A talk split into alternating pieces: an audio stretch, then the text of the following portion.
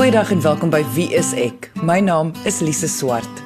Ek is een van daai mense wat myself kan verkyk aan mense met baie selfvertroue om te sien hoe iemand gemaklik is in hul vel en 'n situasie kan bestuur en beheer. Dis 'n ongelooflike ding om te sien. Maar ek is ook baie bewus daarvan dat nie almal ervaar selfvertroue nie. Wat my bring by die vraag, wat is die verskil tussen jou selfbeeld en jou selfvertroue? Hoe affekteer die een die ander? En is daar maniere hoe 'n persoon hul selfvertroue kan verbeter? Selfs al is dit net vir 'n oomblik of vir 'n situasie, soos 'n werksonderhoud of om 'n praatjie te lewer, of selfs om iemand te vra om te trou. So ek gaan vandag met my gas sielkundige Christine Nel gesels oor selfbeeld en selfvertroue. So kom ons luister na ons gesprek. Christine verduidelikheid. Kom ons begin met die verskil tussen selfbeeld en selfvertroue. Selfbeeld is die manier wat 'n mens na jouself kyk. So met ander woorde, wat jy sien en die opinie wat jy het van jouself. Terwyl selfvertroue is meer gebaseer op sekere vaardighede en die versekerheid dat jy sekere vaardighede suksesvol kan uitoefen. So iemand met baie selfvertroue sal byvoorbeeld baie sterk oorkom en baie oortuigend hulle punt kan stel. As 'n mens sou moes kies, watter een is meer belangrik? Ek sal nie tussen die twee kan kies nie, want selfbeeld onderbou eintlik selfvertroue en die twee voed mekaar. So in in my wêreld is daai twee ewe belangrik. Ek wil graag eers net oor selfbeeld gesels voor ons selfvertroue aanvat. Wat is die voordele van 'n goeie of positiewe selfbeeld? 'n Goeie of 'n positiewe selfbeeld is 'n gesonde uitkyk op 'n mens self. Dit beteken dat jy 'n realistiese of 'n nugter opinie van jouself het. Jy sien dus jou jou sterk en jou swak eienskappe raak en jy maak vrede daarmee. So dit gaan alles oor die verhouding wat jy met jouself het. Wanneer jy realisties na jouself kan kyk en vrede kan maak met jouself, jouself kan aanvaar, dan kan jy dit ook um, met ander mense doen en en dit sal positief in jou verhoudings uitwerk en gewoonlik lei dit dan ook tot meer selfvertroue. As jy verwys na realisties na jouself kyk, kan jy net vir my so 'n bietjie meer daar verduidelik? Realisties beteken dat 'n mens weet dat jy positiewe eienskappe het, dinge wat voordelig is, sterk eienskappe het. Maar dat jy ook in sekere dinge nie so goed is nie en dat jy sekere tekortkominge het. En dan is daar natuurlik ook neutrale eienskappe afhangend van die situasie positief of negatief kan toegepas word. So dit gaan daaroor dat jy jouself ken en verskillende eienskappe binne in jouself kan aanvaar. Is daar 'n nadeel as iemand se selfbeeld dalk kom ons noem dit te veel is? 'n Mens kan nie regtig te veel selfbeeld hê nie, want jou selfbeeld is is 'n entiteit, is iets wat dis die jou opinie wat jy het van jouself, maar as jou as jy te veel um, van jouself dink of te veel selfvertroue het of oorkom asof jy te veel dink van jouself of te 'n hoë dink van jouself het, ehm um, gaan dit 'n negatiewe effek hê op jou effektiwiteit en op jou verhoudings in die sin dat 'n mens waarskynlik onrealistiese verwagtinge van jouself gaan hê en jouself in situasies gaan plaas wat jy nie regtig so effektief gaan kan wees nie en jou verhouding sal dan ook daaronder lê. Die ander deel van dit is ook dat binne 'n verhouding wanneer iemand 'n te hoë dink van hulle self het of of dan nou hoogmoedig is of um meerderwaardig is, dan sit dit ander mense af en dit het dan gewoonlik 'n negatiewe effek op hulle verhoudings en in die langtermyn daai negatiewe terugvoer en daai daai verwerping speel dan weer in op die manier wat die persoon hulle self sien en ervaar. So in die langtermyn is dit eintlik sleg vir iemand se selfbeeld. Ek weet nie of dit net ek is wat so voel nie, maar veral as dit kom by selfbeeld, voel dit vir my die meeste mense hou nie van hulle self nie, asof dit die norm is, maar niemand wil dit erken of erken nie. Dis baie waar. Meeste mense het maar 'n negatiewe uitkyk op hulle self. Die meeste mense wat op my bank kom sit, het 'n gevoel dat hulle net nie goed genoeg is nie. En daar's verskillende redes daarvoor. Ehm um, ek dink een deel daarvan is dat iemand dat mense geneig is om hulle self met met ander mense te vergelyk en te wonder hoekom is ek nie so sis of so nie? Kan ek nie beter spreker wees nie? Kan ek nie meer spontaan wees nie? Hoekom is ek so sensitief? So 'n groot deel daarvan is ook om vrede te maak met die pakkie wat wat, wat jy is. Um, want el, daar is tog 'n plek vir elke een en elkeen is uniek en bring iets unieks tot hierdie wêreld. Ons hoef nie almal dieselfde te wees en dieselfde vaardighede en dieselfde persoonlikheid te hê nie. En almal het positiewe en negatiewe punte. Ons hoef nie net te fokus op die negatiewe en om onsself nou nederig te hou of op ons plek te hou nie, um, want dit het ook lanktermyn negatiewe gevolge. Ons meeste van ons het maar nodig om onsself te herinner dat ons wel positiewe eienskappe het, wel sterkpunte het en 'n plek in hierdie wêreld het. So dit kom daarop neer, dit wat ons altyd lees en hoor en sien is dat jy moet lief wees vir jouself. Dit is jou selfbeeld. Yes, dit gaan oor jou die verhouding met jouself. As jy um jouself kan lief hê, is dit makliker om ander mense te aanvaar en lief te hê. Jy luister na Wie is ek op RSG 100 tot 104 FM. Kan iemand hulself toets om te sien hoe en kom ons noem dit dan nou hoe lief hulle vir hulself is? 'n Maklike manier om dit te identifiseer is om bewus te raak van die interne dialoog, die manier wat ons met onsself praat.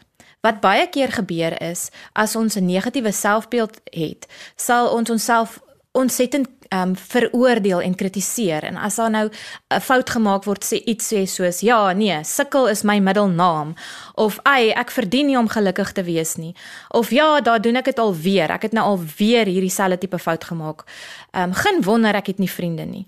En en daardie tipe negatiewe dialoog um is 'n baie sterk indikator daarvan dat ons nog nie vrede gemaak het met onsself en liefde het vir onsself en 'n gesonde selfbeeld het nie So die eerste stap is om bewus te raak van daardie dialoog. Die tweede stap is om te begin dink aan alternatiewe. En dit is nie altyd so maklik nie. Hiersou is waar 'n sielkundige mens nou baie keer kan help om te dink om te verstaan hoekom eerstens praat ek so met myself en tweedens hoe kan ek dit anders hanteer? Maar 'n praktiese voorbeeld is om te dink, sal ek met my kind so praat? Sal ek daarvan hou as iemand met my kind so praat? Sal ek met uh, of as ek nie kinders het nie, sal ek daarvan hou as iemand met 'n kind so praat? Sal dit my goedkeuring wegdra as iemand so so harsh, so vel, so veroordelend met 'n kind praat? Want baie keer het ons maar 'n kind hier aan die binnekant wat ons nou maar moet leer coach deur die lewe en as ons met 'n op 'n positiewe manier met daai kind kan praat, gaan ons tog 'n 'n meer gesonde verhouding hê en ons dit gaan uitkom in ons geestesgesondheid, dit gaan uitkom in ons verhoudings en so en so meer. So dit gaan daarop neerkom om te oefen om meer positief teenoor jouself te praat of met jouself te praat. Dis reg. So mens kan voor die spieël staan en jy kan 'n dialoog met jouself voer of jy kan dit neerskryf. Dit is vir vir mense verskillend of jy kan met iemand anders daaroor praat en net 'n klankbord hê uh, om te sê hoor ek het gedink aan hierdie, ek het gedink aan daardie en die persoon kan vir jou terugvoer gee en so meer.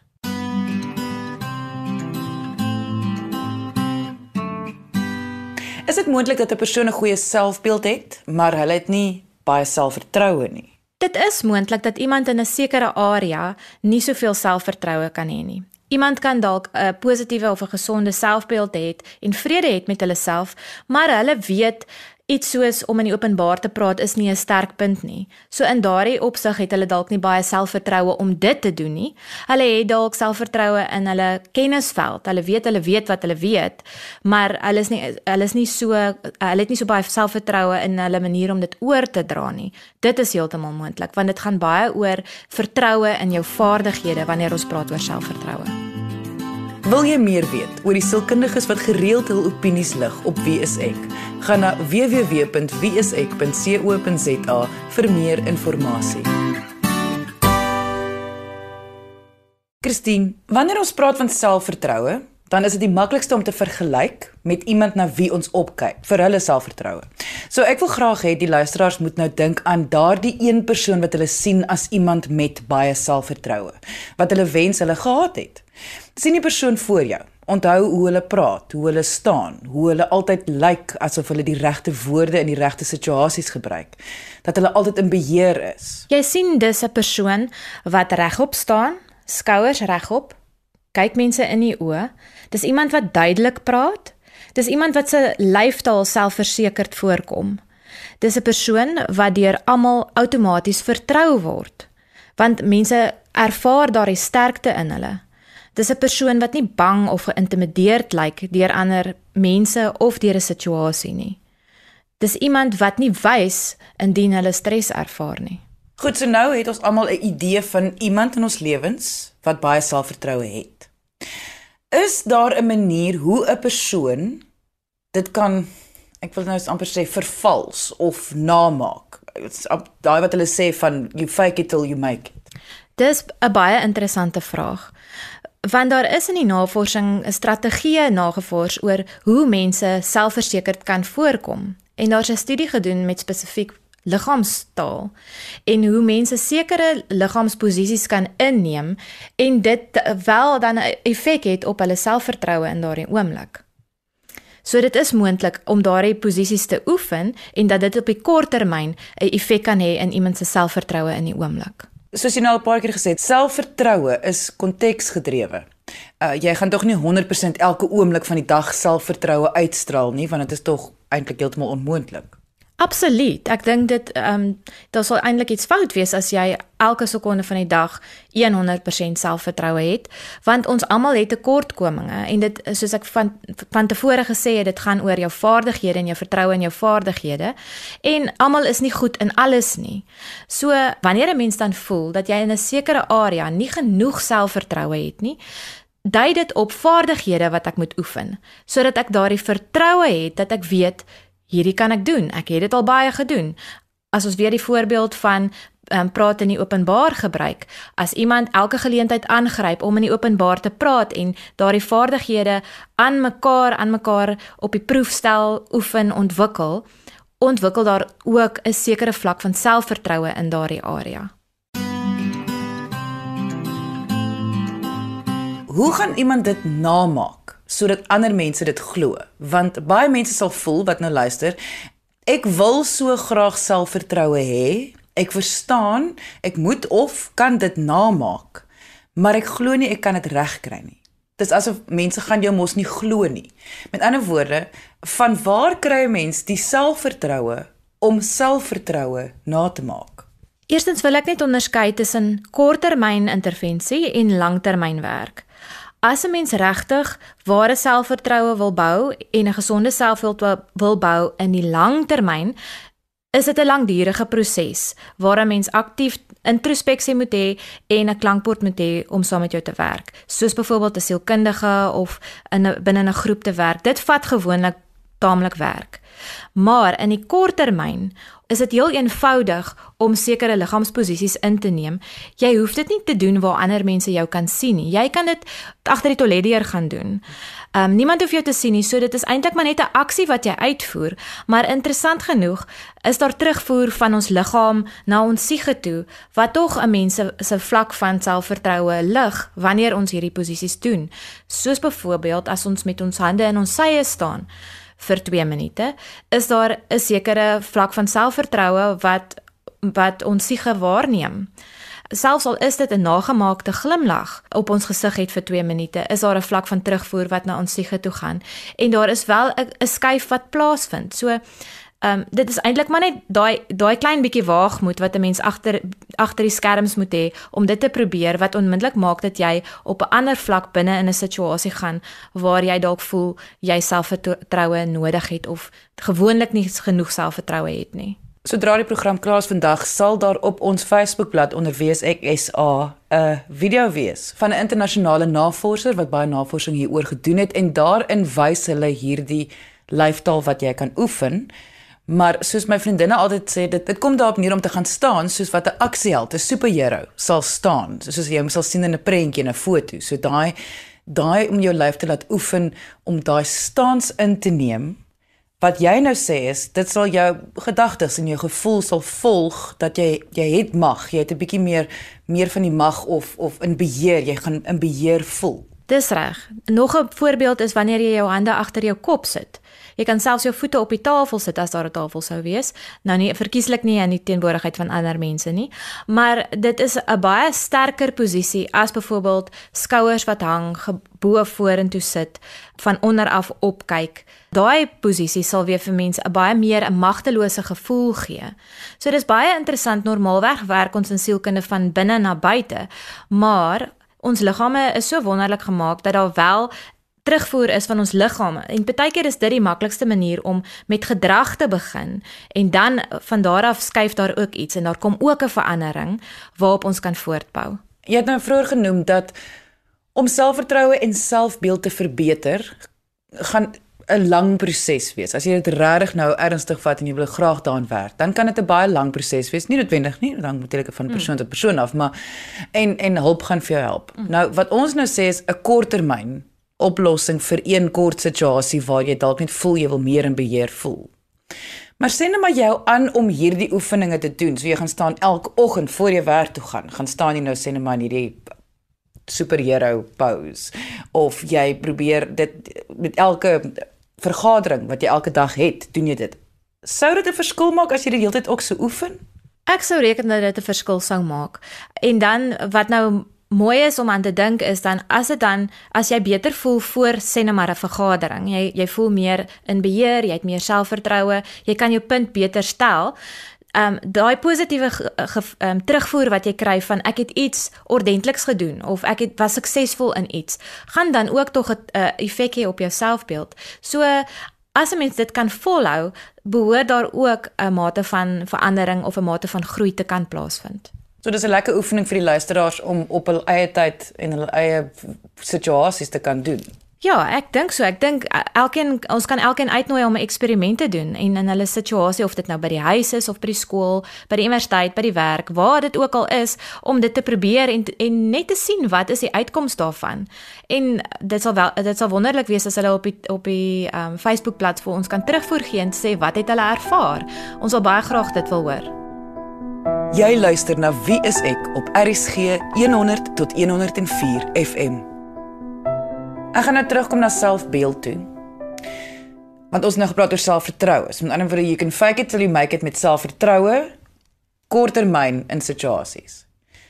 Kan 'n mens dit dieselfde probeer doen met jou selfbeeld? So met ander woorde, met woorde. As ek vir mense die hele tyd vertel hoe baie ek van myself hou, selfs al voel ek nie so nie, sou dit 'n verskil maak? Dit maak gewoonlik 'n verskil as 'n mens jou fokus verskuif van negatief, alles wat negatief is, wat nie is soos wat jy dit wil hê nie, na dit wat wel daar is, wat wel positief is. Daar is gewoonlik 'n skuif wat plaasvind. Om realisties te wees, sal 'n mens nie net altyd kan fokus op die positiewe nie. Maar as 'n mens geneig is tot negativiteit en jy wil graag groei, dan is dit dalk nodig om vir 'n tydperk net te begin raak sien wat is wel positief, wat is wel sterkpunte, wat is wel dinge waarop ek kan bou.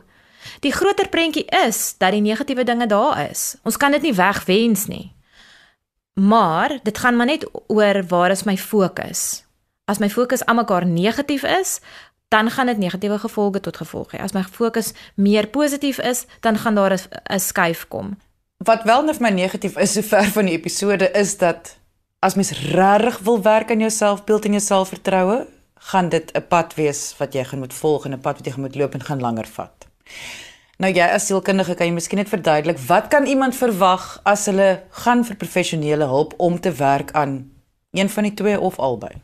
Ek dink mense moet onthou dat wat is die gevolge of wat is die koste as ek nie daaraan werk nie?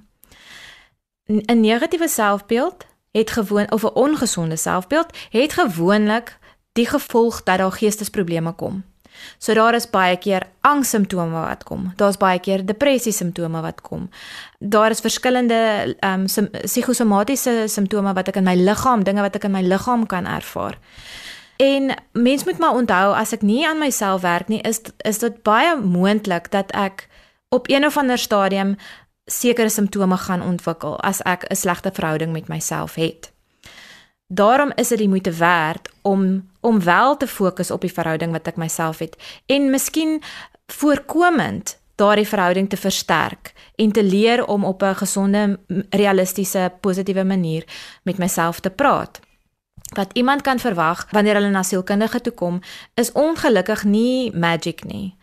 Dit is 'n verhouding wat bou oor tyd.